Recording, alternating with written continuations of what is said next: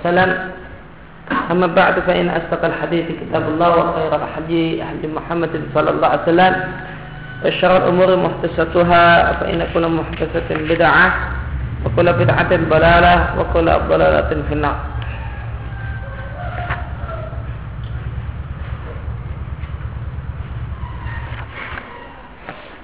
Faqala ma'alif rahimahullah ta'ala kutubun mukhtaratun li talibil ilmi.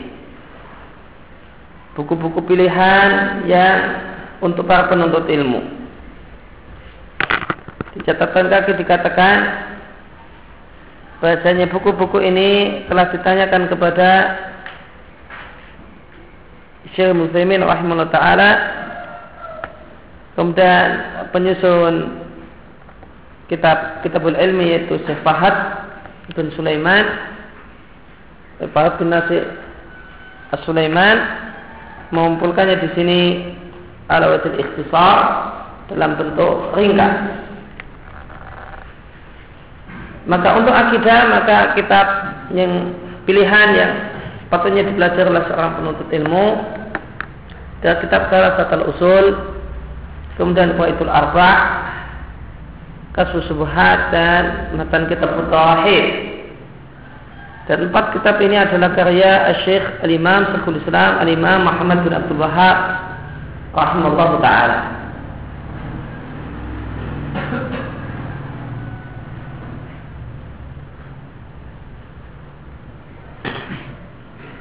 Kemudian kitab Akidah Wasitiyah dan kitab Akidah wasitiyah ini tatabaman mengandung tauhid asma wa sifat.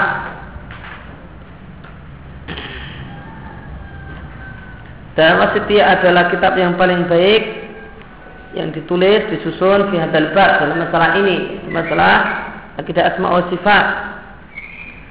Maka wasitiyah ini adalah kitab yang jadirah, yang layak untuk dibaca dan di murojaah dibaca dan jadikan sebagai eh, kitab muroja dibaca ulang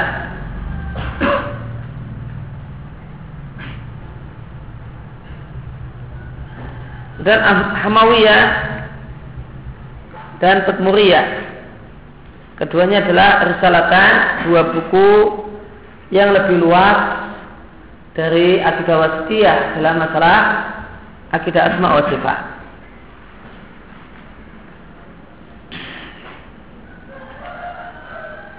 Maka tiga kitab ini adalah karya Syekhul Islam Ibn Taimiyah rahimahullah taala. Dan kitab Matan Akidah Tawawiyah. Karya Syekh Abi Ja'far Ahmad bin Muhammad atau Hawi. Kemudian kitab Sarah Akidah Tawawiyah. Karya Abil Hasan Ali bin Abi Al-Ais Al-Hanafi. Dan Abdurra Saniyah fil ajwab fil ajwibah an-najdiyah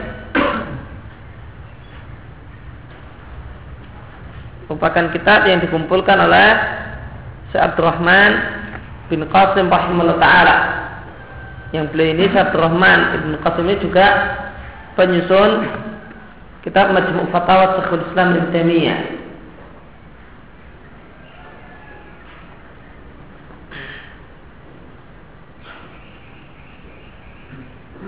Dan beliau juga nyusun uh, risalah-risalah dan kitab-kitab yang ditulis oleh Syekh Muhammad bin Abdul Wahab dan anak-anaknya serta murid-muridnya dikumpulkan semua di sini. Adura Sania fil ajwaba fil ajwiba Ini adalah ya, semacam macam fatwa namun ini uh, di sini mengumpulkan buku-buku dan fatwa-fatwa ya, kira Muhammad bin Abdul Wahab, anak-anaknya dan cucu-cucunya serta murid-muridnya. Tentang masalah tauhid. Dari Ta'adural Al-Mudiyah fil akidah firqatun uh, firqal mardiyah karya eh, Muhammad bin Ahmad As-Safariyani Al-Hambali. Dan dalam kitab ini terdapat batu itlaqat namun terdapat beberapa kalimat-kalimat yang jika digunakan secara mutlak atau dikatakan secara mutlak maka menyelisihi manhaj salaf. Semacam di sana ada syair di sana disebutkan laisa rabbuna bi jauharin wala aradin wala jismin ta'ala fil ula Rabbuna Rabb kita itu Allah Azza wa Jal itu bukanlah jauhar bukan pola arah bukan pula jasad Ma tinggi Allah fil ula yang berada di atas sana. Untuk ta'ala fil ula ini kalimat yang benar. Kemudian namun tiga istilah yang disampaikan Allah itu bukan jauhar, bukan arat dan bukan jism. Ini kalau dimutlakan semacam ini, ini tidak benar. Karena istilah jauhar, arat dan jism adalah istilah-istilah yang tidak terdapat dalam Quran dan Sunnah ditetapkan ataukah ditiadakan. Tidak ada nafsunya dan tidak ada ibadnya. Allah tidak pernah mengatakan kalau dirinya bukan jauhar, bukan arad dan bukan jism. Demikian juga Allah ya, tidak pernah meniadakan tiga hal ini dari dirinya ataupun menetapkan tiga hal ini dari dirinya. Apa itu jauhar? Jauhar itu sesuatu yang bisa berdiri sendiri Kebalikannya adalah ar. Ar itu adalah sesuatu yang tidak mungkin berdiri sendiri. Atau semacam sifat. Itu disebut ar. Karena dia tidak bisa berdiri sendiri. Sifat misalnya malas. Untuk malas pun tidak ada benda namanya malas. Dia berada pada benda yang lain dia sesuatu yang berada pada yang lain itu disebut arab kebalikannya adalah jauhar jauh itu adalah sesuatu yang bisa berdiri sendiri batu pohon kertas ini berdiri sendiri namun merah itu tidak bisa berdiri sendiri dia berada pada kertas dia ada pada tembok, dia ada pada batu, dia ada pada yang lainnya. Maka merah itu arok, batu, pohon, ini namanya eh, maka merah itu arok, sedangkan batu, pohon itu namanya jauhar. Ini istilah eh, filsafat.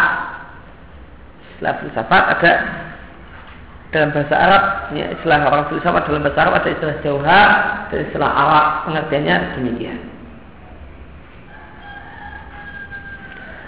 Oleh karena itulah Buddha harus bagi seorang penuntut ilmu jika mau mempelajari kitab ini doa mudia hendaklah dia mempelajarinya dengan bimbingan seorang guru yang mulim yang menguasai akidah salafiyah, akidah salah supaya guru tersebut menjelaskan mafiha isinya berupa itlaqat kalimat-kalimat yang mutlak yang jika dimutlakan itu menyelisih akidah salafus saleh. Nah kitab-kitab yang maksudnya dipelajari oleh seorang penuntut ilmu dan jika kita urutkan maka kalau orang itu belajar akidah eh, tauhid uluhiyah maka adalah dia belajar Waitul Arba. Yang pertama setelah itu salah satu usul. Kemudian adalah yang lebih baik adalah kita bertauhid dulu baru kasih subuhat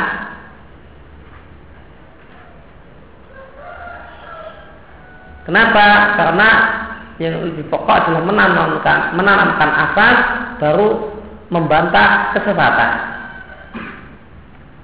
orang itu ngerti bagaimana akidah ahli sunnah, bagaimana akidah salafus saleh, nah, baru setelah itu diajari akidah-akidah yang sesat dan bagaimanakah cara membantahnya dengan kasus subuhat. Maka setelah salah satu usul kita bertauhid baru kasus subuhat. Jangan orang itu pintar bantah namun nggak tahu gimana akidah al-sunnah. Oh ini tidak benar, ini sesat, gini gini gini gini gini. Nah, terus yang benar gimana? Oh nggak tahu. Nah, itu itu aneh dan lucu. Ini salah, gini gini gini gini gini, bantahnya gini gini gini. Ditanya terus yang benar gimana? Malah nggak tahu menahu. Nah, ini orang tepat.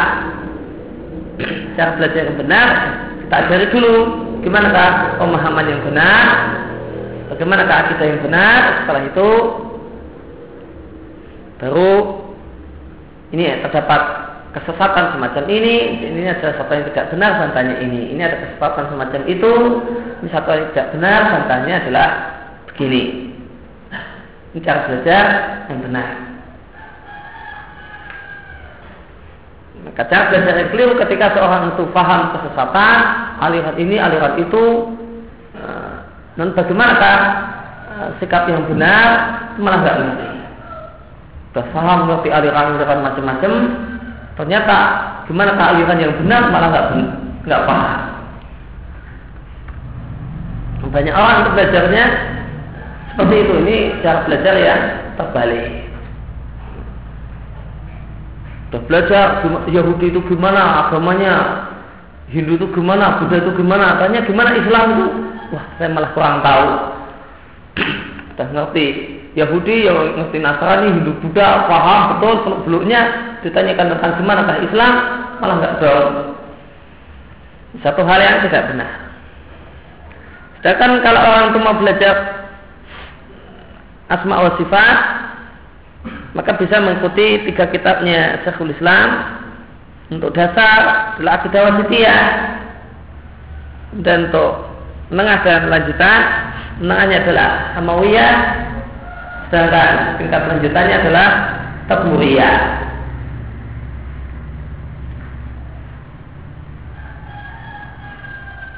Maka untuk dasar maka akidah baca akidah wasitiyah. Namun tidaklah salah atau seandainya belajar lumatul i'tiqad misalnya.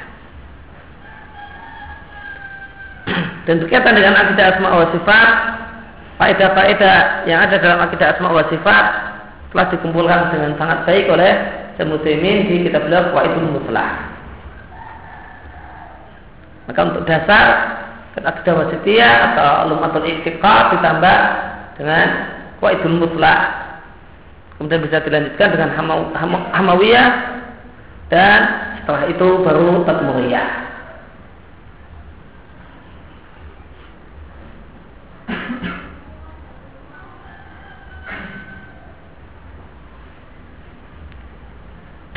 Kemudian jika orang itu mau belajar akidah secara utuh yang mencakup asma wa sifat dan yang lainnya, maka ini ada dalam matan Tohawiyah.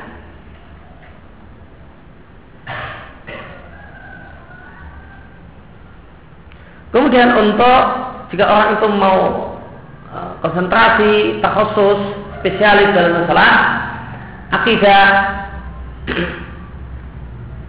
maka yang patut dipelajari dan patut banyak ditelaah adalah Sarah Akidah Tahawiyah Ibn Abil Is Al-Hanafi dan Durar Saniyah fil Ajibah An-Najdiyah.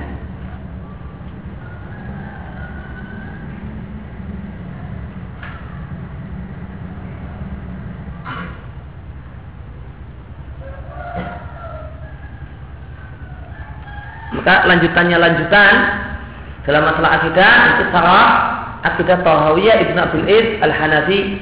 Demikian juga Ad-Durar Saniyah fi Ajwibah An-Najdiyah kitab yang perlu kita pokok yang penting jika orang itu mau takhasus mau menguasai mau spesialis dalam masalah akidah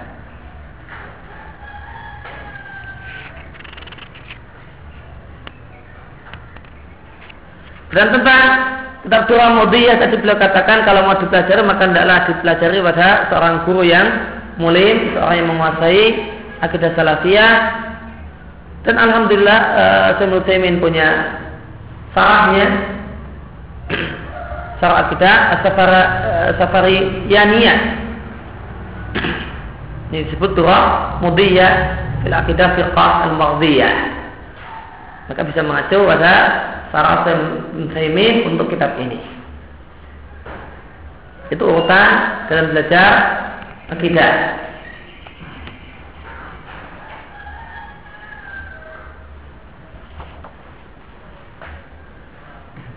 Kemudian untuk untuk hadis maka beliau menyebutkan kitab-kitab yang penting untuk dikaji yang pertama adalah Fathul Bari Syarah Bukhari karya Ibnu Hajar Al Asqalani rahimahullah taala. Dan kitab ini adalah satu kitab yang sarah yang paling bagus untuk Sahih Bukhari karena Sahih Bukhari punya banyak sarah. Sarah yang paling baik adalah Fathul Barinya Ibnu Hajar. Sampai-sampai demikian bagusnya kitab ini sebagian ulama mengatakan la hijrah dan fathi.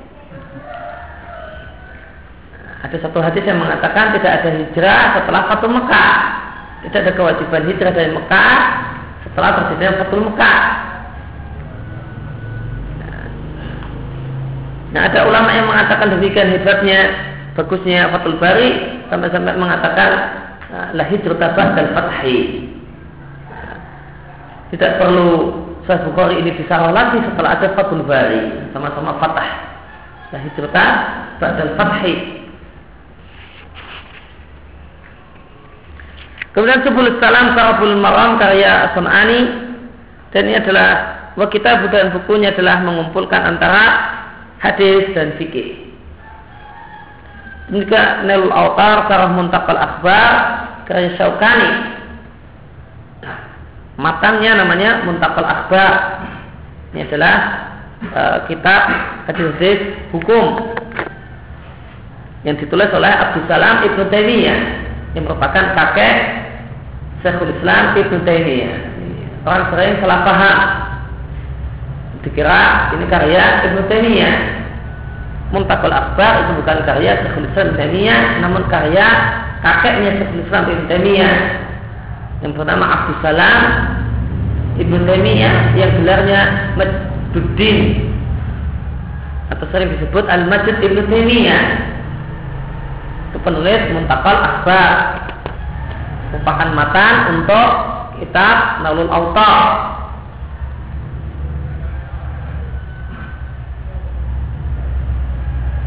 Kemudian kitab Umdatul Ahkam kayak Al-Maqdisi dan ini adalah satu kitab mukhtasar yang ringkas yang mayoritas hadis-hadisnya sahihain di antara Bukhari dan Muslim. Katakan mayoritas, tidak semua.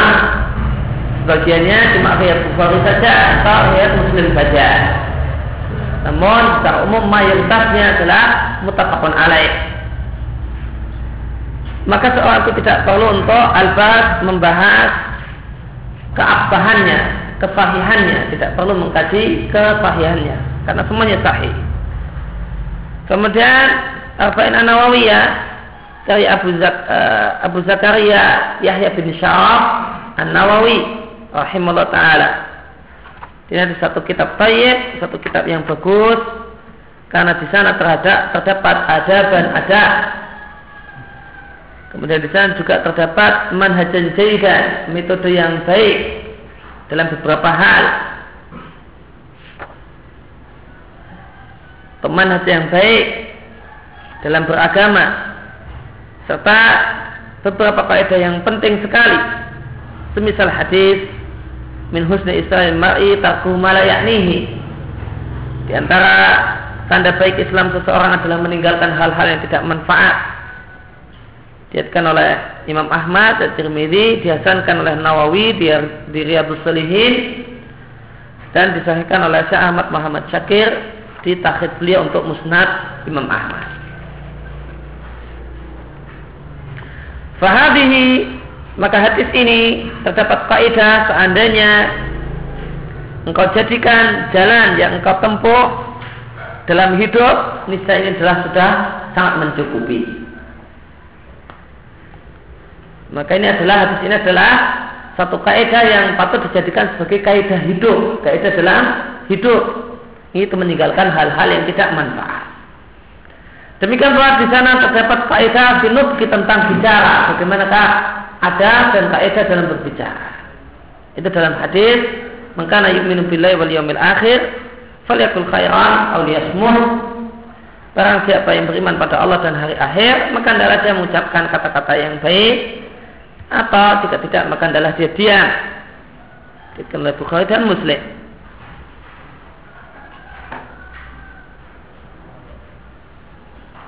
Kemudian yang keenam kita Bulughul Maram dari Al Hafidh Ibnu Hajar Al Asqalani.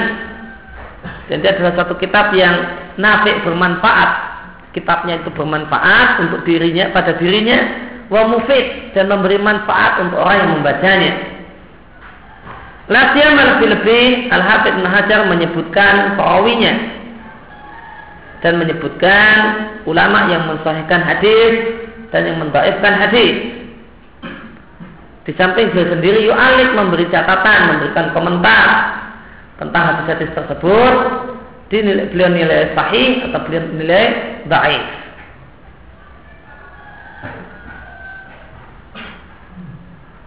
Kemudian nomor tujuh kita lewati uh, kita lewati, lewati sementara karena itu masalah mustalah hadis. Kemudian kutubu sita yaitu Sahih Bukhari, Muslim, Nasai, Abu Dawud, Ibnu Majah dan Tirmidzi. Dan aku nasihatkan pada para penuntut ilmu untuk banyak membaca ya, kitab-kitab matan ini itu mata-mata hadis dari Bukhari, Muslim dan yang lainnya. Karena di sini ada dua faedah, dua manfaat. Yang pertama kita kembali kepada induk. Kita kembali kepada induk. Ini ada satu hal yang penting kembali kepada induk. Apa pentingnya? Boleh jadi nukilan-nukilan yang tersebar ternyata adalah kurang pas.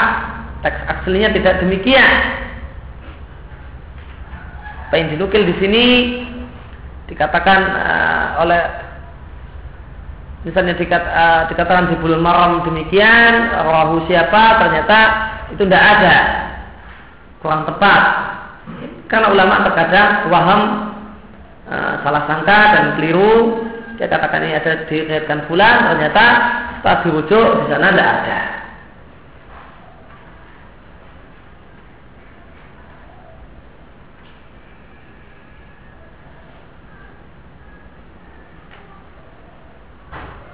Kemudian yang kedua adalah berulang-ulangnya nama para perawi ala zihnihi dalam benak seorang penuntut ilmu. Maka jika berulang-ulang nama para perawi maka layak kadu hampir-hampir tidaklah yamur bihi rajulun lewat dia membaca nama seseorang misalnya dari para perawi Bukhari fi sanatin di sanat mana pun kecuali dia akan mengetahui bahasanya adalah perawi yang dipakai dalam sahih Bukhari. Maka dengan ini dia akan mendapatkan faedah ya, akan mendapatkan faedah itu faedah hadisiyah. Bila ada maka kalau orang itu membaca Sahih Bukhari maka bernasihatkan adalah membaca dengan matanya, dengan sanatnya. Ini bukan hanya langsung dijujuk, langsung ngambil matanya, namun dibaca juga sanatnya. dengan orang itu membaca sanat maka ada faedah tikra asma'i ruwah. Maka dia akan sering jumpai nama perawi Dia akan sering jumpai, misalnya di Sahih Bukhari dia sering jumpai muridnya Abu Hurairah, Abu Saleh an Abu Hurairah. Uh, sering dan dia akan jumpai bahasanya termasuk guru yang paling banyak diambil oleh Bukhari dalam Sahih Bukhari adalah Al Humaydi. Ini karena sering baca metan Bukhari, maka akan nama-nama tertentu itu akan melekat. Ini manfaat ada manfaatnya secara sisi hadis kalau membaca kitab hadis yang lain maka akan dijumpai nama fulan dan fulan oh ini ada dalam Sahih Bukhari. Dipakai dalam Sahih Bukhari. Mungkin jelas rawi sekak kemudian ada faedah ilmiah secara umum yaitu kembali kepada induk kembali kepada usul.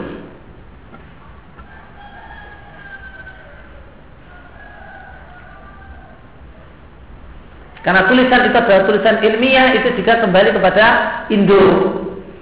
Kalau orang tuh nulis bikin tulisan agar tulisan-tulisan ilmiah kemudian ini diatkan oleh Tirmidzi namun semata-mata kok tahu Tirmidzi? Karena di Riyadhus Shalihin katanya Tirmidzi. Ini ini belum ilmiah. Tulisan tulisan ilmiah ketika dia lihat di Riyadhus Shalihin ini Riyad Tirmidzi. Setelah itu dia rujuk ke Tirmidzi dan ada di Tirmidzi kemudian dia ambil dari Tirmidzi. Tidak ngambil dari Riyadhus Shalihin namun ambilnya dari Tirmidzi. Ini tulisan ilmiah Ini fawaid ilmiah itu kembali kepada Indo. Maka berkaitan dengan belajar hadis kalau mau diurutkan kita urutkan dari dasar maka yang pertama adalah arba'in nawawiyah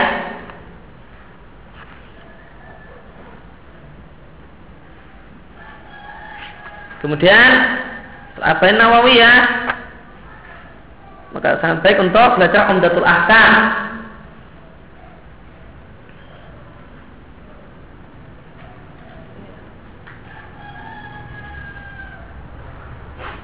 Kemudian terahkan ini memiliki banyak sarah, ya, mungkin sarah yang ya, kontemporer dan cukup baik adalah Taisir Alam atau Umdatul Ahkam. Dan ada sarah yang sangat luas. Umdatul Ahkam yang tipis itu disarah sampai puluhan jilid. Itu Al-I'lam di Fawaid Umdatul Ahkam karya Ibnu Mulakin.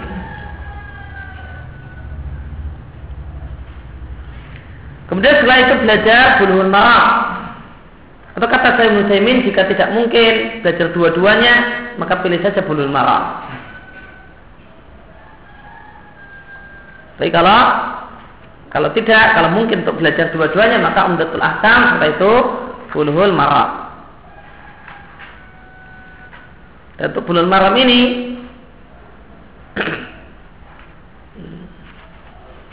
maka kalau orang itu langsung belajar pakai parahnya sepuluh salam itu terlalu berat. Ini tidak layak sepuluh salam itu kecuali orang yang telah untuk dalam bab-bab fikih kalau hadis hadis fikih kecuali untuk orang yang telah uh, ilmunya. Ini kalau kita berjamiknya dari sepuluh salam nggak masalah.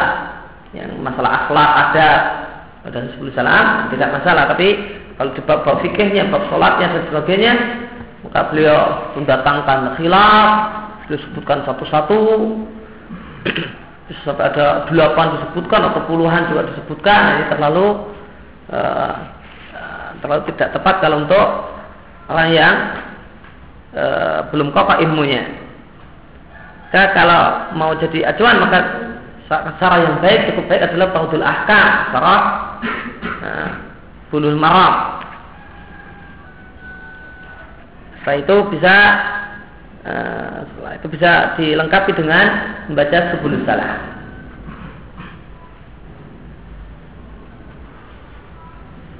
Kalau saya baca Abu Zaid di Hilyah bikin urutan Arba'in Nawawiyah dan Umdatul Ahkam dan Bulan Maram setelah itu langsung uh, kitab-kitab uh, yaitu Sahih Bukhari, Sahih Muslim dan seterusnya. Untuk urutannya. Maka setelah Bulan Maram kalian bisa belajar hadis dari mengkaji matan-matan hadis dari dan yang lain. Untuk saya Bukhari dia bisa sambil menaah Fathul Bari. Demikian juga bisa dia tambahkan dengan Muntakal Akhbar dengan sarahnya Nalul Autar namun Nalul Autar itu semisal 10 salah banyak menyebutkan uh, khilaf dan uh, satu adillah dan bantahan untuk pendapat-pendapat yang beliau tidak setujui maka tidak layak dibaca kecuali orang-orang yang uh, telah mapan ilmunya. Untuk sepuluh salam dan nalul autar demikian juga Fathul Bari.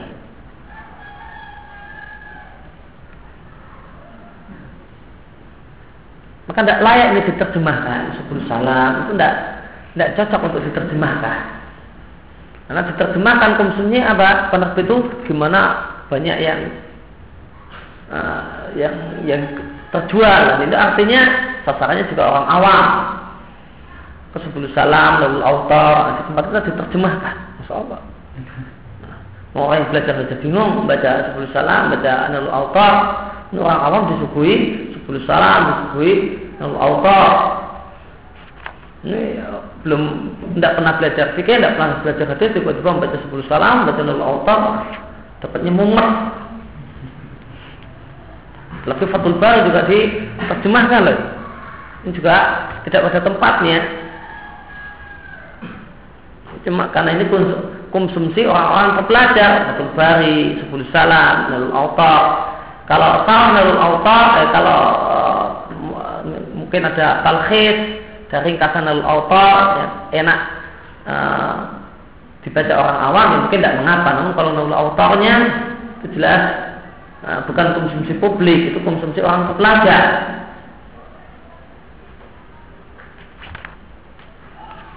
Kemudian untuk mustalah hadis maka di poin yang ketujuh beliau mengatakan Nukhbatul Fikr karya Al Hafidh Ibnu Hajar Al Asqalani. Untuk tabar dan ternilai dan teranggapnya adalah satu kitab yang jamiah yang lengkap. Maka seorang penuntut ilmu jika telah memahaminya tanaman secara sempurna dan telah itqan, telah menguasainya, maka buku ini tuhuni sudah mencukupi, tidak membut, tidak perlu membaca kutubin kathirah, banyak kitab dalam ilmu setelah. Dan Ibnu Hajar rahimahullah ta'ala memiliki metode yang sangat bermanfaat fitaklifiyah dalam karya tulisnya itu beliau memiliki metode as-sabr wa taqsim. Sabar itu menyebutkan poin-poin, namun setelah itu taksim dibagi. Maka poin-poin disebutkan ini dalam hal ini ada berapa macam, ada berapa poin, kemudian namun poinnya di dibagi-bagi ini uh, sehingga orang itu bacanya enak. Maka seorang penuntut ilmu jika membacanya maka dia akan mendapatkan semangat dalam membacanya. Karena buku ini dibangun di atas isaratil akli, membangkitkan akal, memancing akal. Dan aku katakan sangat baik bagi penuntut ilmu untuk menghafalnya karena dia adalah khalafah mufidah adalah ringkasan yang sangat berfaedah dalam ilmu mustalah.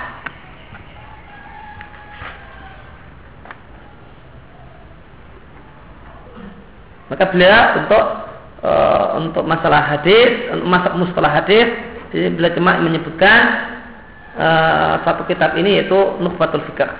Itu sudah mencukupi dari pada kitab-kitab yang lain.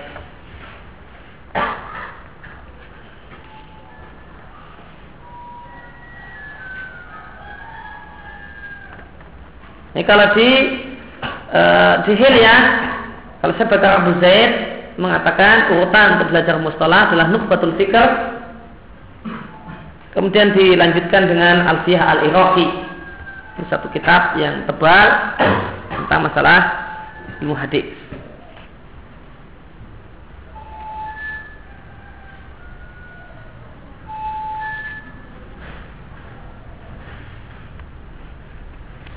atau jika mau lebih dasar lagi maka sebelum nukbatul fikr bisa belajar matan baikunia nah, dengan ini seorang akan dapat besar-besar ilmu mustalah hadis. Maka setelah baikunia bisa dilanjutkan dengan nukbatul fikr ya, seandainya tidak belajar yang lainnya kata Asyid Muslimin dan cukup. Ya, dengan belajar dan mentelaah dan menguasai nukbatul fikr Jadi kalau mau dilanjutkan dengan tingkat lanjutan Ya, maka untuk dasar itu baik dunia, menengah itu nukhbatul fikr. Nah, kalau mau lanjutan maka sebagai yang dikatakan oleh Syekh ada Alfiyah al-Iraqi.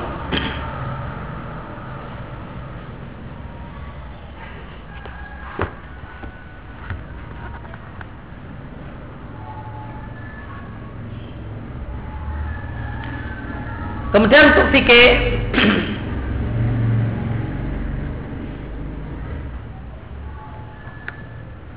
Maka untuk belajar fikih itu ada dua model. Yang pertama mengikuti madhab dan yang kedua tanpa madhab. Dan yang disebutkan di sini adalah belajar fikih dengan mengikuti uh, mengikuti pola madhab. Maka kalau belajar fikih dengan pola madhab, maka ada tiga tingkatan.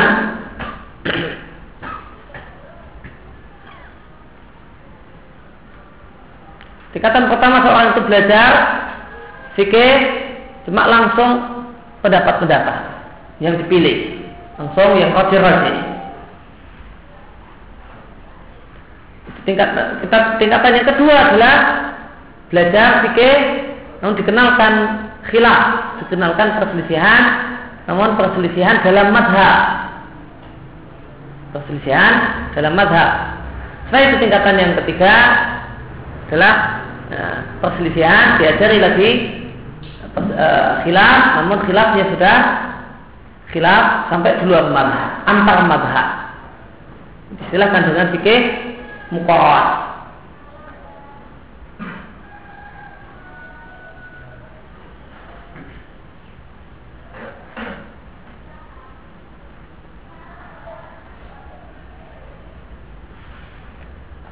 Maka kalau mengikuti madhab Hanabila maka kitab-kitab fikirnya adalah kitab Adabul Masyi ila Salah karya eh, Syekhul Islam Muhammad bin Abdul Wahab. Tematan demi juga dan uh, uh, matan Zatul Mustaqni fi ikhtisaril karya Al-Hajawi. Kata Ibn Zaimin dan kitab ini Zatul Mustaqni adalah min ahsanil mutun fil fiqhi adalah kitab matan yang paling baik dalam fikih yaitu maksudnya fikih hambali. Jadi adalah satu kitab yang penuh berkah, ringkas, namun jamik lengkap. Dan guru kami yaitu uh, Al-Alama Abdurrahman As-Sa'di kata Ibnu Taimin mengisyaratkan, menyarankan untuk kepada kami para murid-muridnya untuk menghafalnya. Padahal beliau sendiri ya, telah menghafal matan dalil talib. Kemudian Rad al-Murbi Sarazatul Mustaqni saya Mansur Bahuti dan kitab Umdatul Fiqh karya Ibnu Qudama rahimahullah taala. Ya, ini masalah uh, fikih.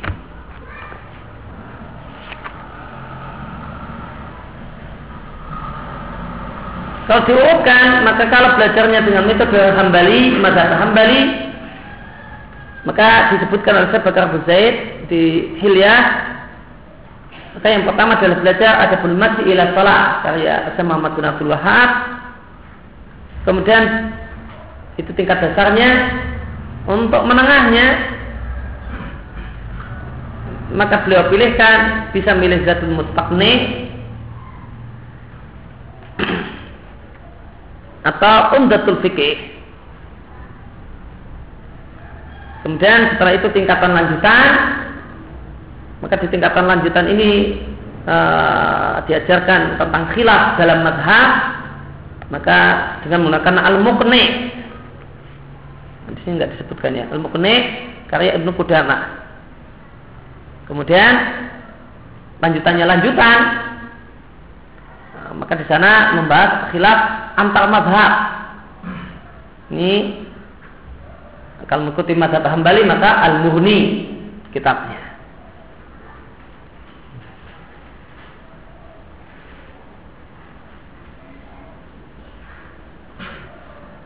Nah, Ibnu Qudama itu punya empat kitab fikih Hambali dan ini jadi urutan dalam belajar mazhab Hambali. Dia punya Umdatul Fikih, bukan Umdatul Ahkam ya, namun Umdatul Fikhi. Ini dasar dan mukne ini khilaf dalam madhab kalau cuma matan maka itu al umda umdatul fikr saya itu khilaf dalam madhab itu ada di mukne dan lanjutannya adalah al kafi ya, al kafi kemudian yang keempat itu al mughni ini urutan ini empat kitabnya Ibnu Qudama dalam fikih yang sudah diurutkan dari dasar sampai menengah sampai lanjutannya lanjutan. Dari Umdatul Fiqh, kemudian Muqni dan Kafi, kemudian Al-Murni.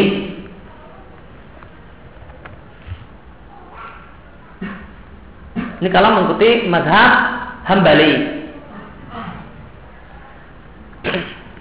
Sedangkan kalau mau mengikuti madhab Syafi'i, ini yang ini madhab yang ada di tempat kita, maka kalau orang mau pakai uh, belajar fikih mengikuti urutan madhab, kalau di sini kita sarankan untuk mengikuti urutan yang ada dalam madhab syafi'i. Maka yang pertama adalah matanya adalah matan terkenal dengan matan roya watakrib. Disebut juga matan Abu Suja. Ini matan fikih Syafi'i.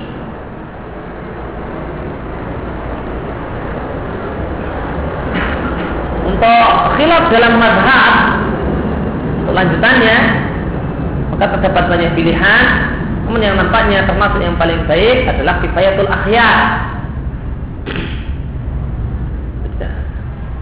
dalam kifayatul akhyar ini banyak disebutkan dalil-dalil dan kenapa ulama ber, ada yang berpendapat demikian dan pendapat demikian disebutkan dalil-dalil dalil-dalilnya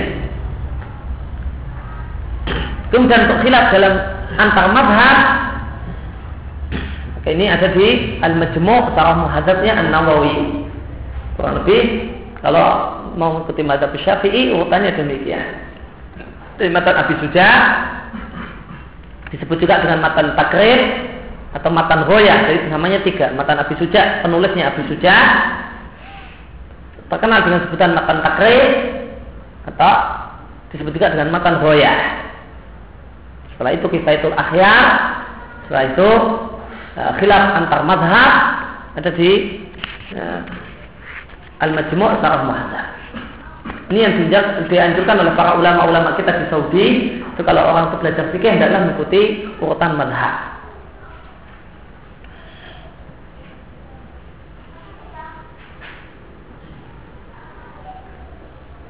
Namun ada juga metode yaitu uh, tanpa melalui madhab langsung.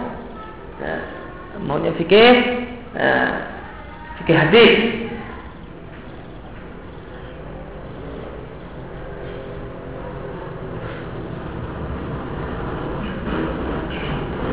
maka ini bisa orang belajar ini dengan uh, mengikuti kitab-kitab hadis yang cenderung adalah hadis-hadis fikih. Semacam Umdatul Ahkam, Budul Maram,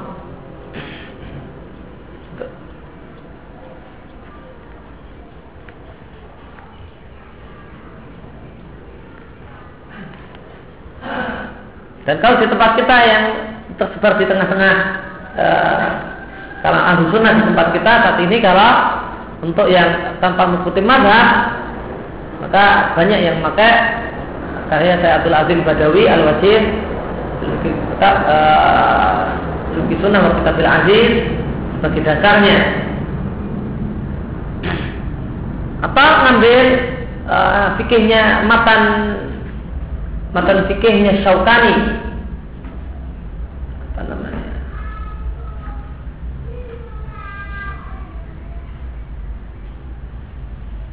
itu untuk dasar. Karena yang jelas untuk fikih dasar itu tidak membahas khilaf. Itu prinsipnya. Tidak membahas khilaf. Itu untuk dasarnya. Orang tuh cuma disebut ini dalilnya ini. Pendapat yang benar ini dalilnya ini. Terus setelah itu dikenalkan pada khilaf.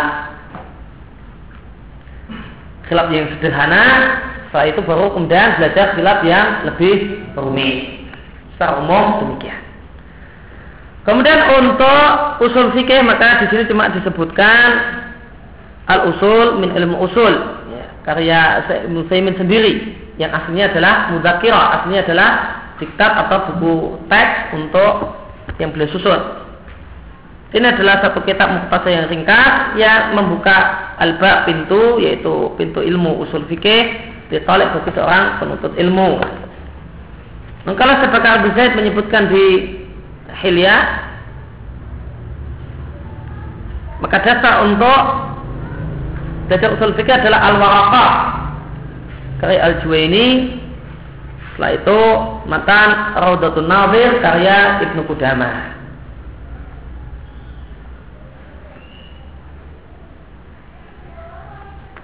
Maka orang bisa belajar waraqah, untuk dasarnya bisa waraqah, nah, itu dari matan dari uh, para ulama terdahulu, atau bisa juga dengan al-usul min ilmu usul itu dari ulama muasirin yaitu karya Syekh Musaimin. Sedangkan lanjutannya itu Raudatul Nawir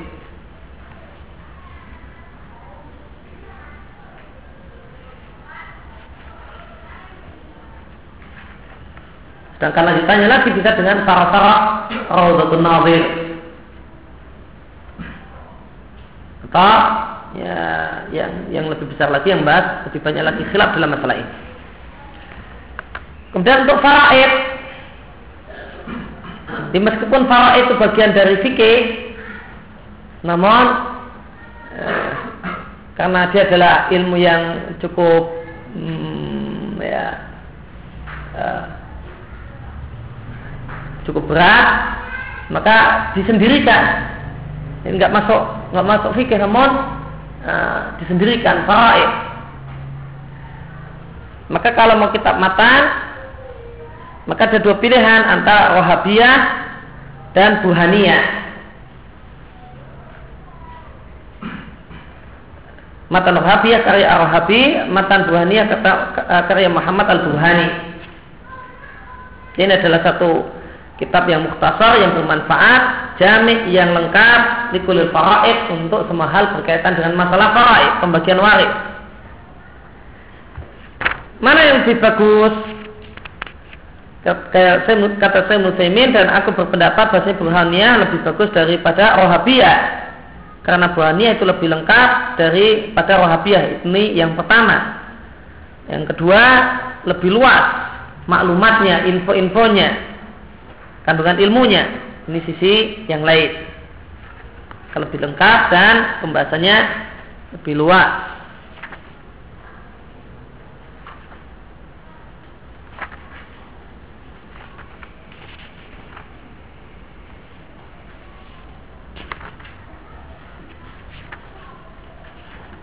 Maka matan untuk belajar faraid, matan wahabiyah tidak banyak, cuma tiga lembar atau buhania.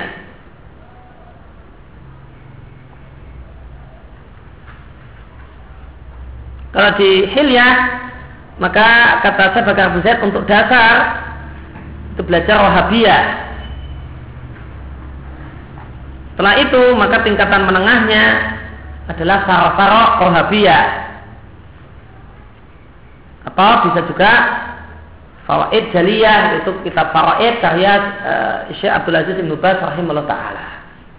Fawaid Jaliyah. Maka untuk dasar Wahabiyah, untuk lanjutannya bisa sarah-sarah Wahabiyah atau kitab-kitab ulama muasirin yang lebih detail semacam Fawaid Jaliyah karya Syekh Abdul Aziz Ibn Baz atau juga Syekh Ibn juga punya kitab dalam masalah ini Tasbihul Faraid Dan untuk tafsir, untuk belajar tafsir, maka ada tafsir Quranul Azim dari Ibnu Katsir. Ini tafsir yang jahit bagus. Benisbah li tafsir bil asa untuk tafsir dengan dalil. Ini adalah tafsir yang mufid, bermanfaat, memakmun dan bisa dipercaya. Kita akan uh, tinggal nelan mentah-mentah. Nelan mentah-mentah isinya tidak masalah karena dia ditulis oleh seorang yang berakidah salafiyah. Dan seorang ulama ahlu sunnah.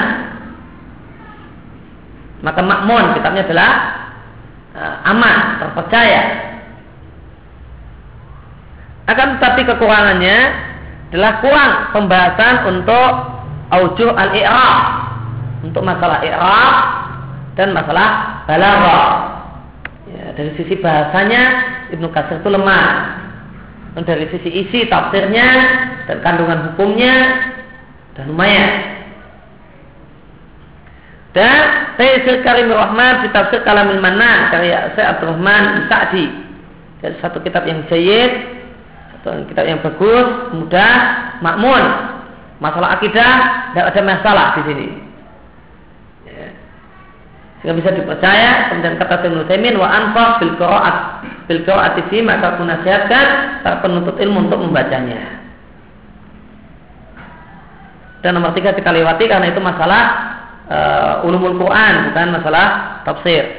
Kemudian tafsir atwal bayan karya Muhammad Kiti dia adalah kitab bunjami kitab yang lengkap mengumpulkan antara hadis fikih tafsir dan usul fikih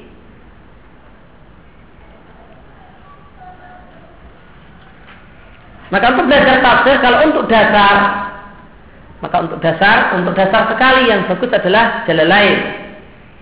Tafsir Jalalain karya Suti dan Al-Mahali. Jalaluddin Suti dan Jalaluddin Al-Mahali sehingga disebut Jalalain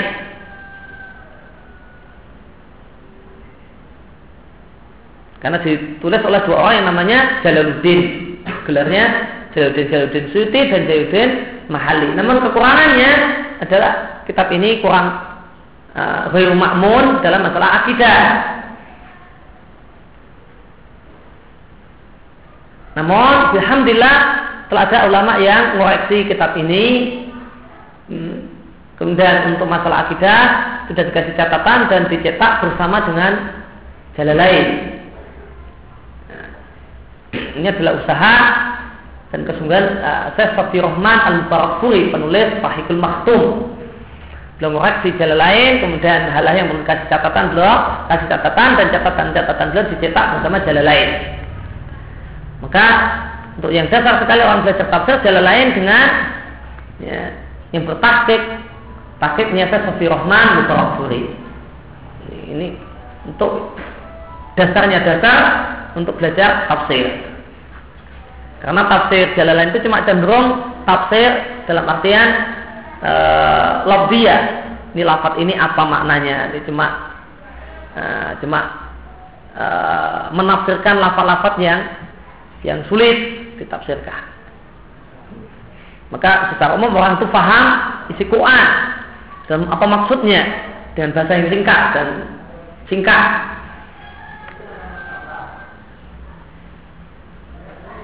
Nah,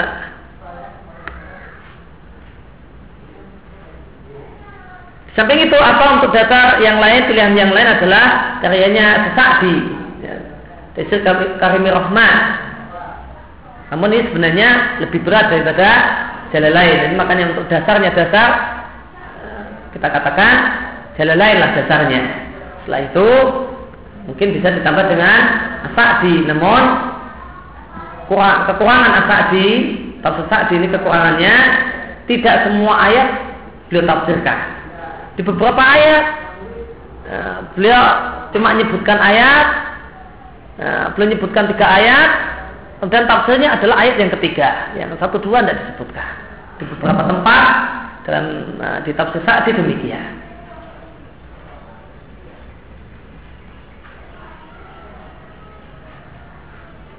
Dan tafsirnya kalau jalan itu nafsirkan lafaz, nah ini lebih cenderung pada makna ijmali, makna global. Bawakan satu ayat, kemudian makna global dari ayat ini apa maksudnya. Nah, lebih baik kalau dari, untuk sisi belajar lebih baik daripada As-Sa'di itu adalah karyanya saya Abu Bakar Al-Jazairi Aisar Tafasir ini lebih cocok untuk belajar kenapa? karena di Aisar Tafasir itu yang pertama disebutkan mufrodat ini apa maksud ini uh, lafat ini kata ini apa maknanya apa maksudnya setelah itu nanti ada makna ijmali dan yang penting untuk orang yang belajar poin yang ketiga yaitu fawa fawaidul ayat. Dan setiap ayat sudah sampaikan fawaidnya. Ini satu hal yang tidak dijumpai di Taisir dari Rahman. Maka untuk belajar, yang cocok untuk belajar adalah Aisyah daripada Taisir. Dari sisi untuk kemudahan bagi penuntut ilmu dia dapatkan uh, mufrodat dia dapatkan fawaid. Kalau sesadi, kalau tak sesadi, maka di sebagian ayat beliau habis-habisan mengeluarkan fawaid. Semisal di uh, Al-Maidah ayat 6 tentang ayat wudhu, maka beliau menyebutkan 33 fawaid langsung. Namun di banyak ayat tidak disebutkan fawaidnya. Tidak disebutkan fawaid, cuma makna ijmali, makna ijmali. Maka terkadang cuma makna ijmali, terkadang di sana makna ijmali plus fawaid. Ini kalau ini model asasi. Namun kalau Aisar tafsir itu lebih mudah. Kemudian untuk menengahnya maka bisa belajar dengan tafsir Katsir atau Abu Bayan. Untuk eh, ini untuk lanjutan untuk, menengahnya maka yang lebih luas lagi ada Tobari dan yang lainnya. Kemudian Kutubun Amma fi Ba'dil Funun beberapa kitab umum untuk beberapa cabang ilmu. Untuk nahu maka beliau menyebutkan dua kitab. Pertama matan ajrumiyah dan ada satu kitab muhtasar dan ringkas namun mubasab namun uh, panjang lebar ringkas namun banyak namun lengkap kemudian Alfiyah Ibnu Malik dan ini adalah khulasah ilmin nahwi.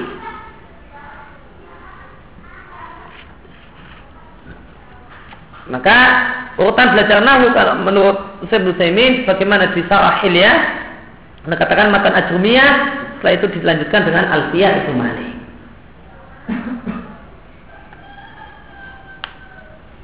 Namun karena kalau matan langsung matan jurumiyah, terutama kita orang ajam itu kesulitan, ya tidak apa-apa lah pakai muyasar terlebih dahulu. Itu untuk tashil, paham, untuk memudahkan pemahaman. Karena kalau langsung uh, matan jurumiyah, bagaimana kemarin kita singgung, ya, sebagian kitab-kitab ulama terdahulu itu dalam sistematika itu kurang sesuai untuk cara berpikir kita. Maka bisalah pakai tulisan orang-orang sekarang yang memahamkan. Setelah agak paham, setelah punya tasawuf, punya gambaran, kita kembali ke kita tetap standar dalam masalah ini. Ya, kalau tetap standar dalam nahu ya jurumiyah ya, dengan dan alfiyah.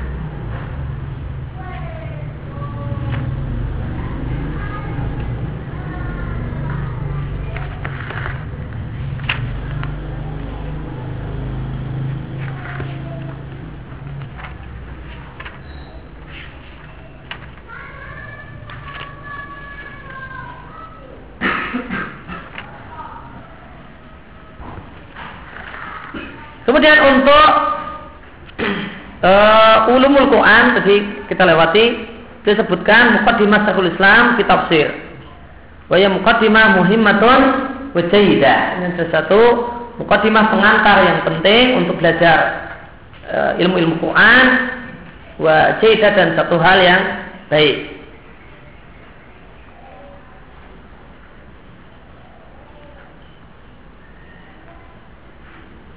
Maka kalau untuk uh, usul tafsir, maka dalam berkaitan dengan ilmu uh, tentang Al-Quran, maka ada usul tafsir dan ada ulumul Quran.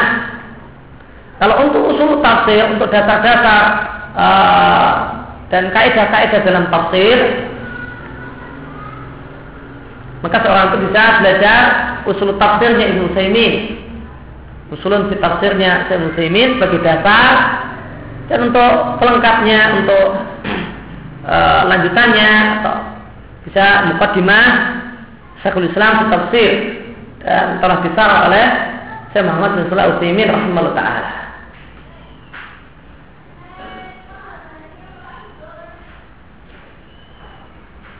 Setelah itu bisa belajar Wahidul Hisan dari Sa'di dan lebih lengkapnya lagi setelah itu bisa uh, belajar uh, itu tafsirnya ke Khalid Itu kalau usul fit tafsir.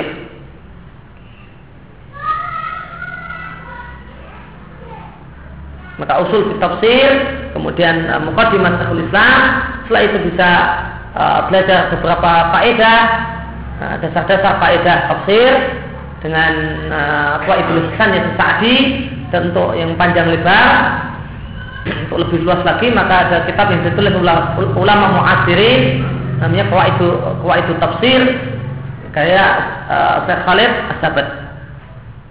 Kalau untuk ulumul Quran ya, kalau untuk ulumul Quran maka dasar ulumul Quran itu ada di karyanya Al-Manak Qatar Mabahis di ulumul Quran.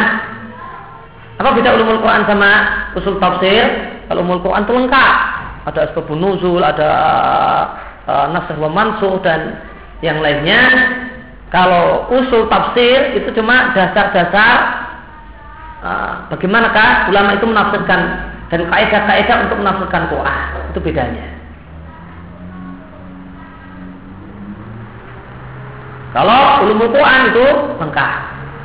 Maka dasar-dasar ulumul Quran Maka dasarnya itu mabahir itu ilmu Quran yang mana kotor. Kalau lanjutannya maka bisa uh, kitab-kitab yang uh, luas tentang masalah ini bisa pakai ulama kontemporer semacam Al-Burhan atau Manahilul Irfan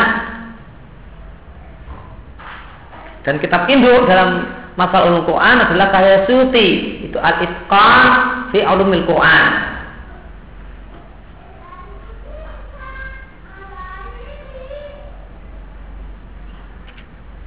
Dan untuk sirah fi sirah asal umar itu kata Ibnu Saimin untuk sirah maka kitab yang paling bagus yang aku lihat adalah Zadul Ma'ad.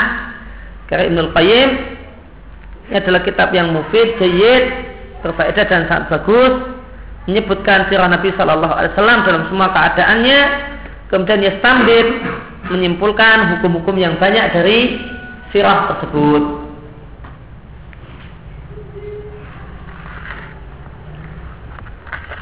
Mon lumayan 6, 6 jilid. Dan yang pakai yang paling bagus untuk Zadul Ma'ad tafsirnya Syekh Al-Arnaud dan Al Al-Arnaud. Jadi 6 jilid aslinya 4 jilid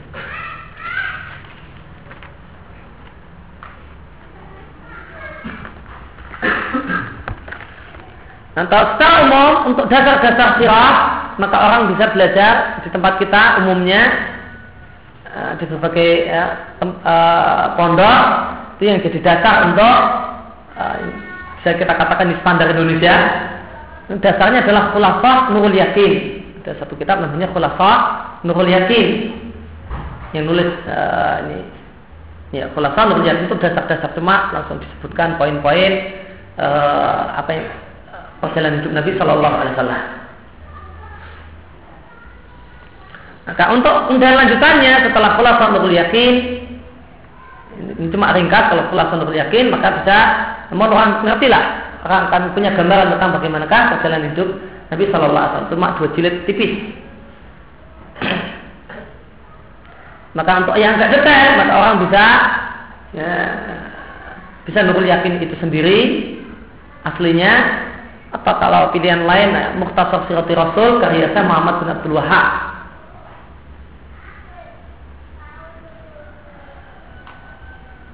kemudian e, Sirah Nabawiyah Ibnu Hisham dan Zadul Ma'ad.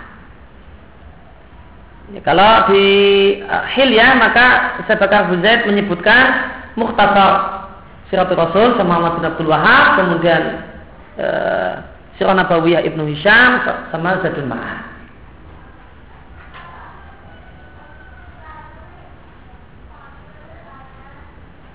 Maka bisa khulafah yakin setelah itu e, Muhtasar Siratul Rasul atau e, Nurul Yakin itu sendiri. Namun berkaitan dengan masalah sirah, satu hal yang e, kurang dalam masalah sirah adalah riwayat-riwayat yang lemah dan riwayat-riwayat yang bisa dipercaya. Nah karena itu maka untuk setelah e, lanjutan itu baik e, sangat baik untuk belajar dengan e, sirah yang sudah diseleksi yaitu surah Nabawiyah As-Sahihah karya uh, Al-Umari. Ya karya Al-Umari. Itu yang cukup lengkap. Dan beliau memang spesialis sirah uh, ulama pakar sirah untuk zaman ini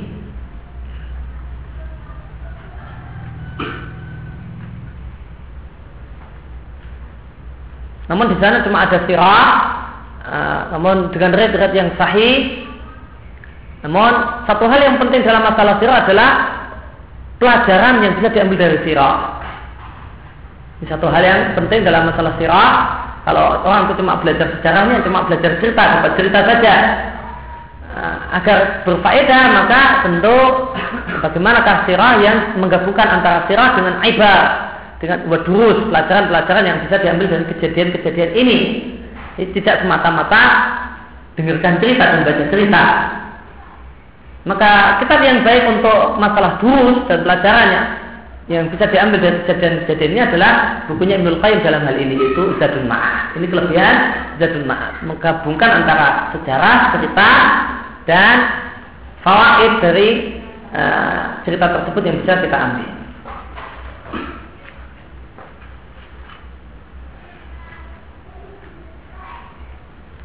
Kemudian berkaitan dengan masalah adab maka kitab yang disarankan oleh Ibnu Saimin adalah kitab Raudatul Uqula.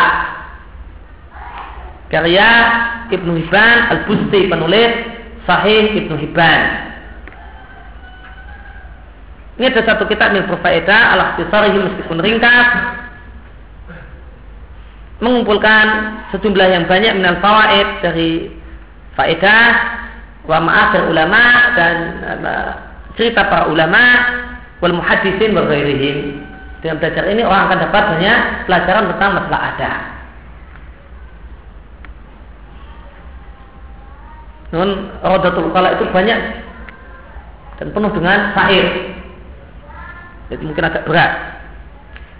Namun yang beliau sarankan untuk ada uh, bagaimana adab dalam bergaul, ada pergaulan dan yang lainnya beliau sarankan Raudatul Uqalah.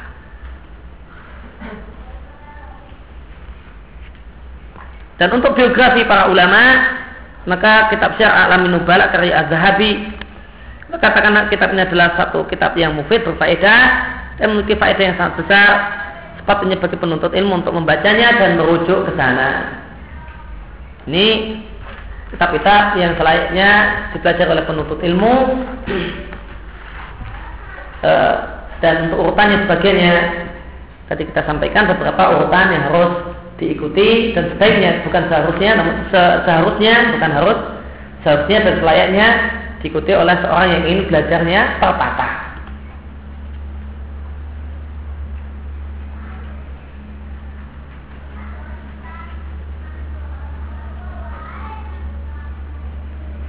Maka ilmu itu luas dan karena itu ilmu itu luas maka peganglah dasar-dasarnya. Kalau orang sudah punya dasar, nanti kelanjutannya orang itu bisa mentelaah sendiri dengan modal dasar-dasar yang telah dimiliki. Orang itu mungkin e, menguasai semua ilmu, atau ilmu itu adalah bagikan lautan yang tidak bertepi. Oleh karena itu kunci dalam belajar adalah mempelajari dasar-dasar dari ilmu-ilmu yang ingin dipelajari. Dan ilmu yang seharusnya dipelajari, sepatutnya dipelajari itu sangat banyak, maka dulukanlah yang penting dan kemudian yang agak penting dan seterusnya. Maka yang pokok, yang penting adalah orang itu belajar uh, masalah uh, akidah, ya, masalah fikih, kemudian Quran dan uh, hadis dan tafsir.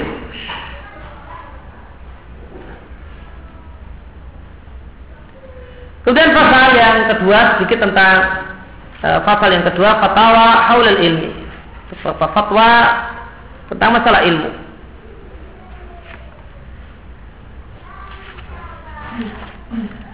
Yang pertama saya Saimin ditanya hal yudhar apakah dimaafkan penuntut ilmu yang belajar akidah namun tidak mengikuti akidah salafus saleh dengan beralasan bahasanya ulama fulan atau imam fulan berkeyakinan dengan akidah ini.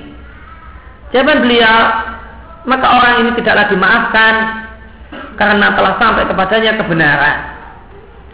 Dan menjadi kewajiban orang tersebut untuk mengikuti al-haq di mana saja kebenaran itu berada dan mencari kebenaran sampai jelas kebenaran baginya.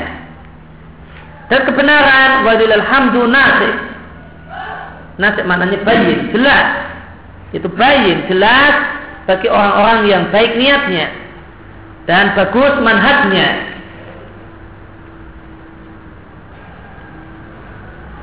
Maka kebenaran itu satu yang jelas.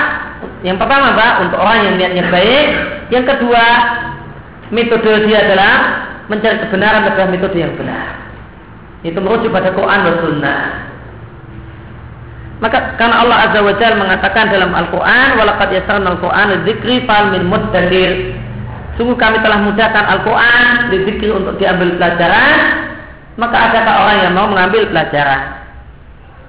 Akan tapi sebagian orang sebagaimana dikatakan oleh penanya mereka memiliki matbu'un orang-orang yang diikuti mu'azzamun yang diagung-agungkan mereka tidaklah yatazahzahuna an araihim tidaklah mau ya, menarik diri dari pendapat-pendapat mereka padahal yang qadihu terkadang terlintas dalam benak mereka Bahasanya pendapat-pendapat orang yang di, dia ikuti itu pendapat yang lemah atau bahkan pendapat yang batil. Akan tapi karena ta'asub, karena fanatik dan hawa nafsu, maka mendorong mereka untuk mencocoki orang-orang yang dia ikuti. Meskipun telah jelas baginya al-huda petunjuk. Maka inilah inilah ta'asub, inilah fanatik. Telah jelas baginya petunjuk, namun dia tidak mau meninggalkan pendapat yang keliru. Lah, ini yang disebut ta'asub. Ta'asub sama pendapat guru ketika pendapat gurunya itu keliru, dia telah tahu kalau itu keliru, namun tetap mempertahankan pendapat gurunya. Ta'asub sama diri sendiri, ketika dia telah tahu pendapatnya itu keliru, ini ada satu hal yang salah, namun dia ta'asub dengan pendapatnya, fanatik dengan pendapatnya, dia tidak mau tinggalkan pendapatnya meskipun telah tahu kebenaran. Dan ta'asub ini modal orang untuk bisa ta'asub adalah al-hawa. Karena hawa nafsu untuk taat. Kemudian pertanyaan kedua tentang seorang yang tidak suka belajar akidah, khususnya masalah takdir, nggak mau belajar akidah, terutama masalah takdir. Alasannya apa? Khaufan nazalah khawatir tergelintir dalam masalah takdir. Ada orang yang nggak mau belajar akidah atau belajar takdir, nanti tidak tergelintir dalam masalah takdir. Maka jawabannya masalah ini yaitu masalah takdir adalah sebagaimana masalah-masalah penting yang lain. Di masalah takdir itu masalah penting. Lah Buddha harus bagi seorang untuk mempelajarinya. La Buddha insan minha adalah masalah penting yang harus dikuasai oleh seseorang untuk baiknya agamanya dan dunianya. Maka orang itulah Buddha harus terjun dalam lautannya dan adalah dia berdoa memohon pertolongan pada Allah Taala untuk bisa mengkajinya dan mengetahuinya sehingga jelaslah baginya perkara ini perkara takdir karena tidaklah sepatutnya orang ini, seorang itu berada dalam keraguan-keraguan dalam perkara-perkara yang penting ini. Adapun permasalahan-permasalahan yang latakulu tidaklah merusak agama seandainya ditunda dan tidak dikhawatirkan jadi sebab inhiraf, sebab menyimpang, maka tidaklah mengapa orang itu menundanya selama ada perkara lain yang lebih penting darinya.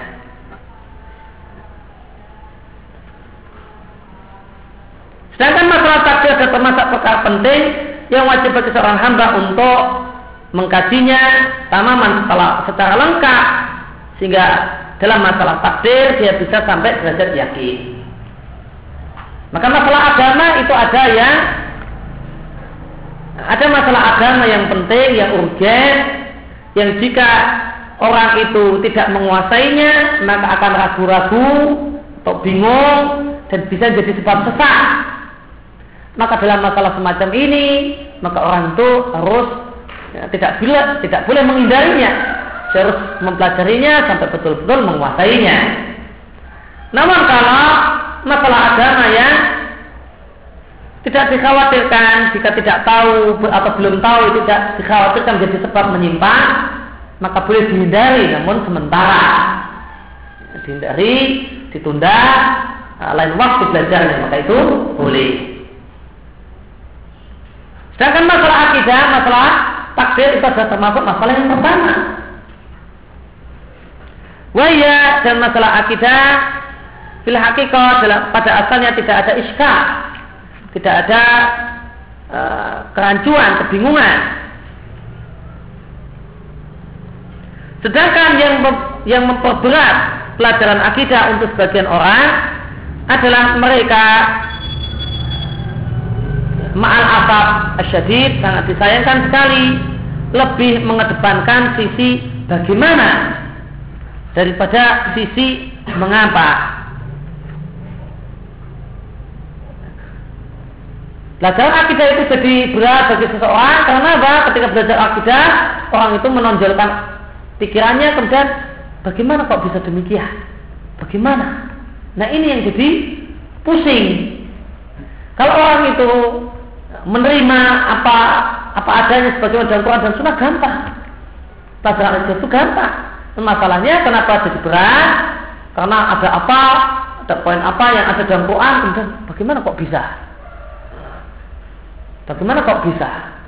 Kematian kok bisa jadi kambing? Gimana? Karena demikian maka pelajaran akidah itu jadi sulit bagi sebagian orang. Wal insan dan manusia itu akan ditanya tentang amalnya dengan dua alat uh, dengan dua kata tanya, yaitu mengapa dan bagaimana. Nanti pada hari kiamat nanti setiap kita akan ditanya oleh Allah Subhanahu wa taala dengan dua pertanyaan. Bagaimana dan kenapa? Kenapa amil terkada? Kenapa engkau beramal ini? Ini ini bertanya tentang masalah ya, pertanyaan tentang masalah keikhlasan. Maka orang akan bertanya, kenapa engkau mengamalkan 8 hal ini? Ini pertanyaan tentang keikhlasan. Dan jawaban intinya adalah syahadat la ilaha illallah. Hadal ikhlas ini pertanyaan tentang ikhlas. Yang kedua, kaifa amil takada? Bagaimanakah engkau caramu untuk mengamalkan perbuatan ini? Ini pertanyaan tentang ittiba. Dan jawabannya adalah syahadat Muhammad Rasulullah. Hadil mutabak ini adalah pertanyaan tentang ittiba pada Rasul Sallallahu Alaihi Wasallam. Dan mayoritas manusia saat ini mas'ulun sibuk untuk mewujudkan jawaban bagaimana. Namun lalai untuk mewujudkan jawaban mengapa. Oleh karena itu kau jumpai dalam aspek ikhlas layataharawna katira mereka tidak banyak memberikan perhatian namun dalam aspek mutaba'ah mereka semangat sampai-sampai ala adabil umur apakah-apakah yang detail maka manusia sekarang kan manusia sekarang adalah perhatian yang sangat banyak berkaitan dengan aspek itiba lalai dengan aspek yang lebih penting yaitu aspek akidah aspek ikhlas dan aspek tauhid. Oleh karena itu kau jumpai sebagian orang dalam masalah agama bertanya tentang masalah yang mudah, jidan-jidan, ya, sangat-sangat mudah, namun hati orang tersebut itu pun muka pun ala dunia, tersibukkan dirinya dengan e, menekuni dunia dan lalai dari Allah secara mutlak dalam jual belinya, si markubi dalam kendaraannya, di rumahnya berkaitan dengan masalah pakaiannya. Maka boleh jadi sebagian orang saat ini adalah hamba dunia tanpa dia sadari. Dan boleh jadi seorang itu musyrik menyekutukan Allah dengan dunia tanpa dia sadari. Hal ini asab asyadid sangat disayangkan sekali karena tidak perhatian dengan aspek tauhid dan aspek akidah.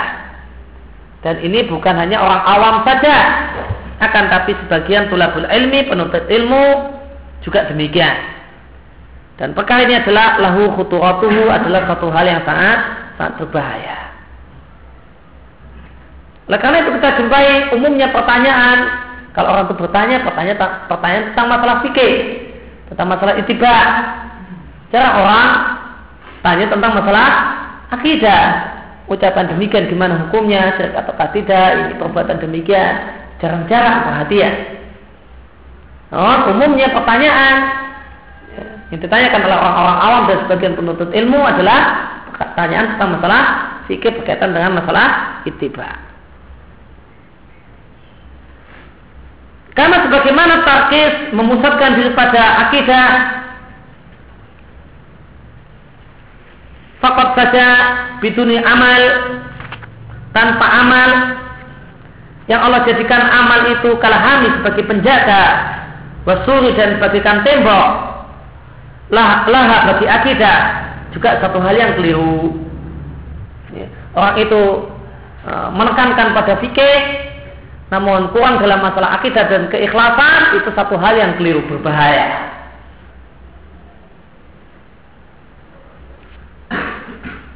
Demikian juga orang penekanannya pada akidah namun melalaikan masalah aman, masalah fikih. Yang aman ini merupakan bagikan tembok yang melindungi akidah. Ini juga satu hal yang keliru. Yang benar adalah mengimbangkan dua-duanya, memperhatikan dua-duanya. Akidah diperhatikan, ditekankan, masalah fikih, masalah itibak Nabi, masalah sunnah Nabi juga ditekankan. Di anak karena kami mendengar di idaah dalam di radio dan kami baca di Quran. Kasosimin ya, juga kadang baca Quran ya. Maka tidak benar sebagian orang yang kayak, kayaknya mengharamkan Quran secara mutlak. Orang itu nggak boleh tahu uh, dan tahu informasi. Ini satu hal yang juga kurang tepat. Ini nggak paham tentang uh, bagaimanakah mendudukkan masalah ini.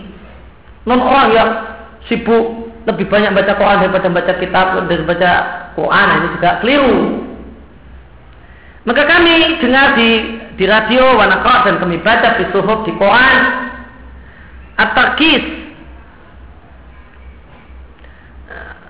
konsentrasi bahasanya agama adalah akidah as-samha yang lurus, yang lapang, yang benar.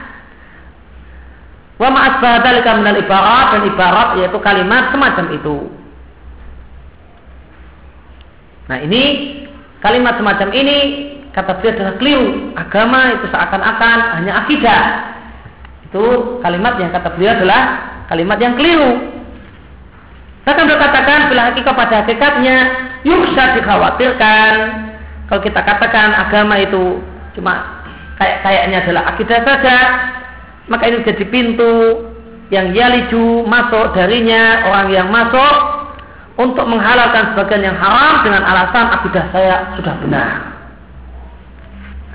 Ya, kalau orang itu penekanan kepada akidah itu berlebihan, tidak proporsional, seakan-akan agama Islam itu cuma akidah, ini berbahaya. Apa bahayanya?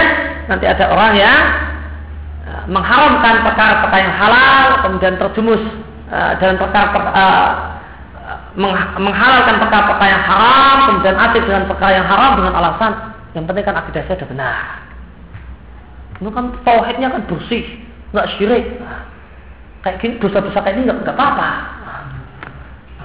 karena apa akidah saya sudah benar akidah saya sudah lurus nah, ini ini bahaya kalau ditanamkan di masyarakat seakan-akan Islam itu cuma akidah ini bahaya dikhawatirkan tidak demikian namun sikap yang benar gimana? Dakwah yang benar. La Buddha harus mulahabah amrain. Perhatian terhadap dua hal ini. Akidah ditekankan, diperhatikan.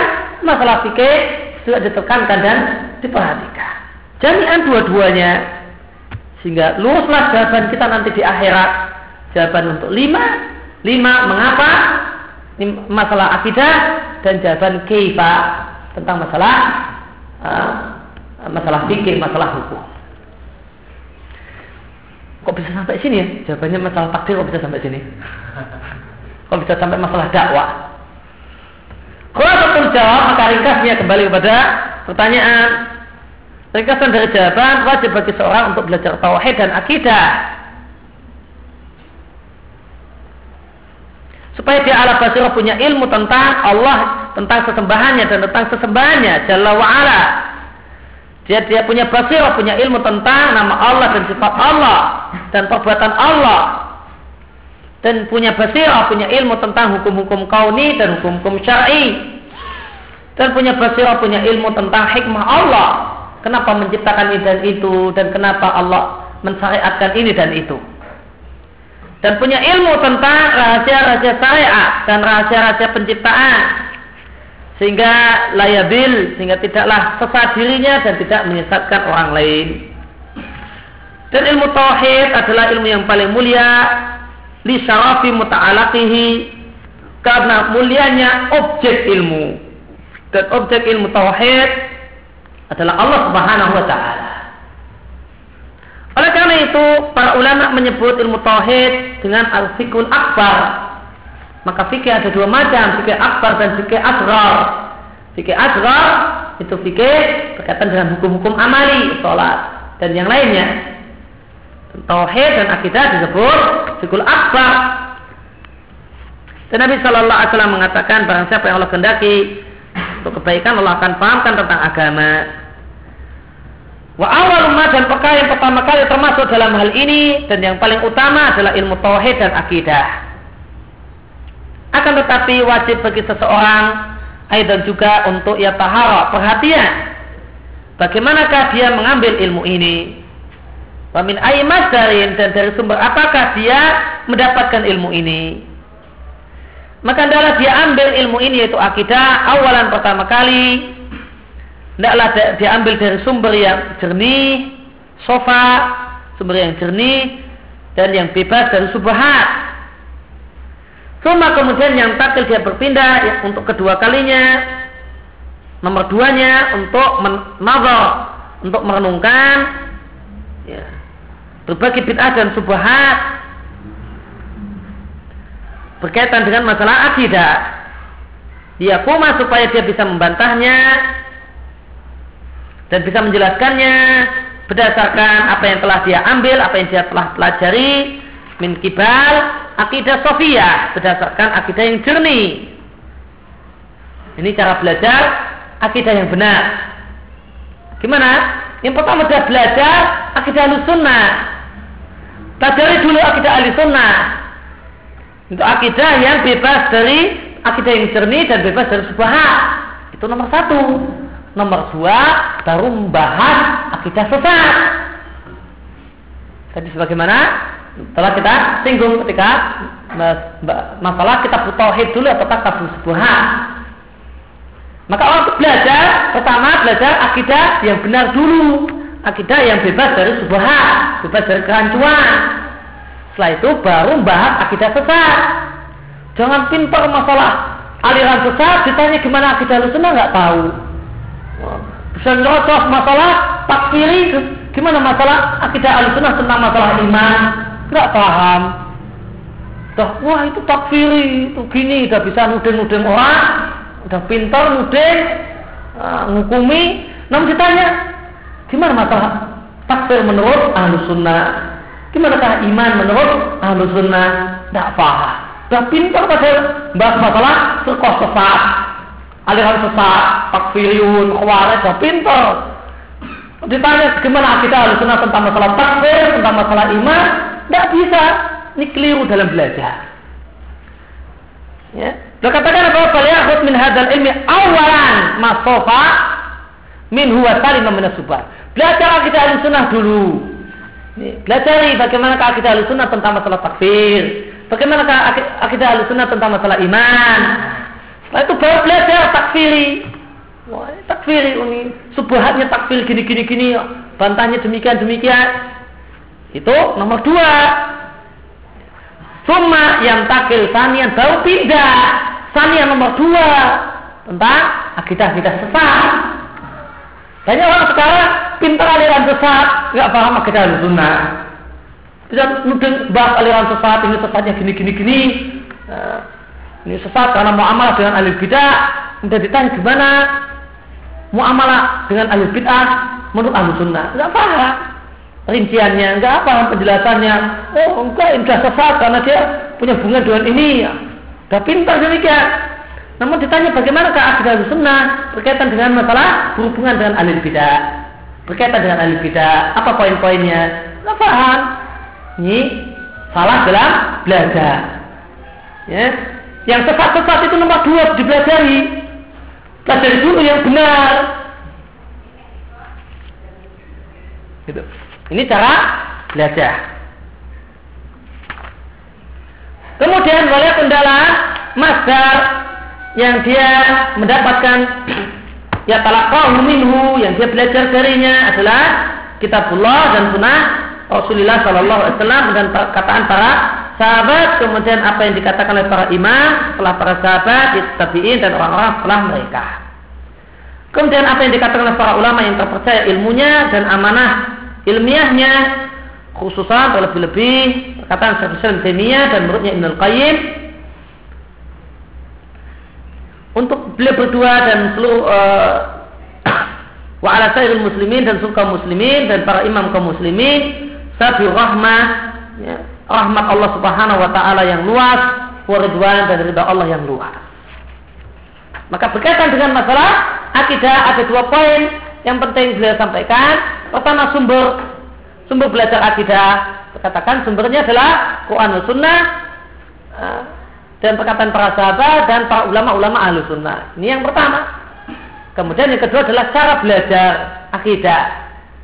Cara belajar akidah yang benar, beliau sampaikan yang pertama belajar akidah yang lurus, akidah yang benar, akidah ahlu sunnah. Setelah itu baru pelajari akidah yang sesat, pelajari berbagai subhat dan berbagai bid'ah dalam akidah dan bantahannya. Jangan dibalik.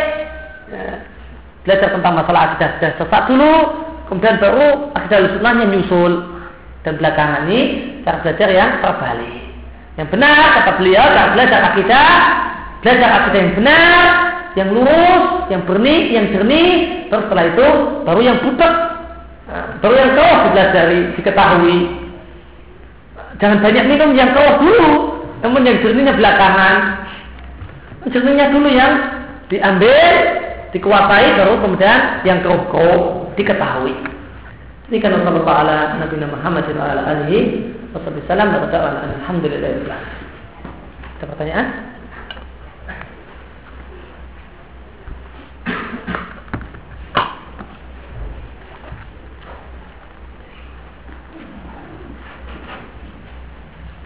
Apakah Ibnu Qayyim punya kitab tafsir? Tidak.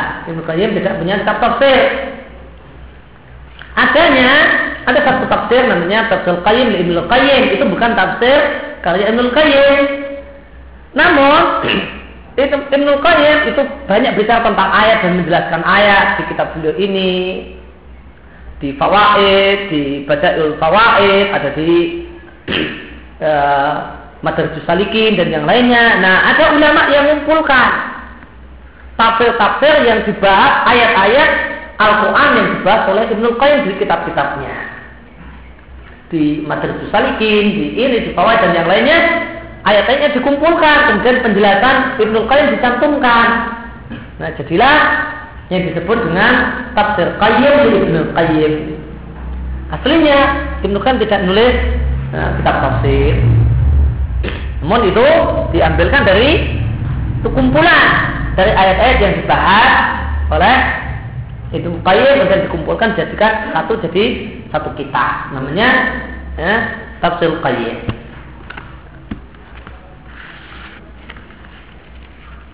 Nah, subhanakallah bihamdika asyhadu an la ilaha illa anta astaghfiruka wa atubu ilaik.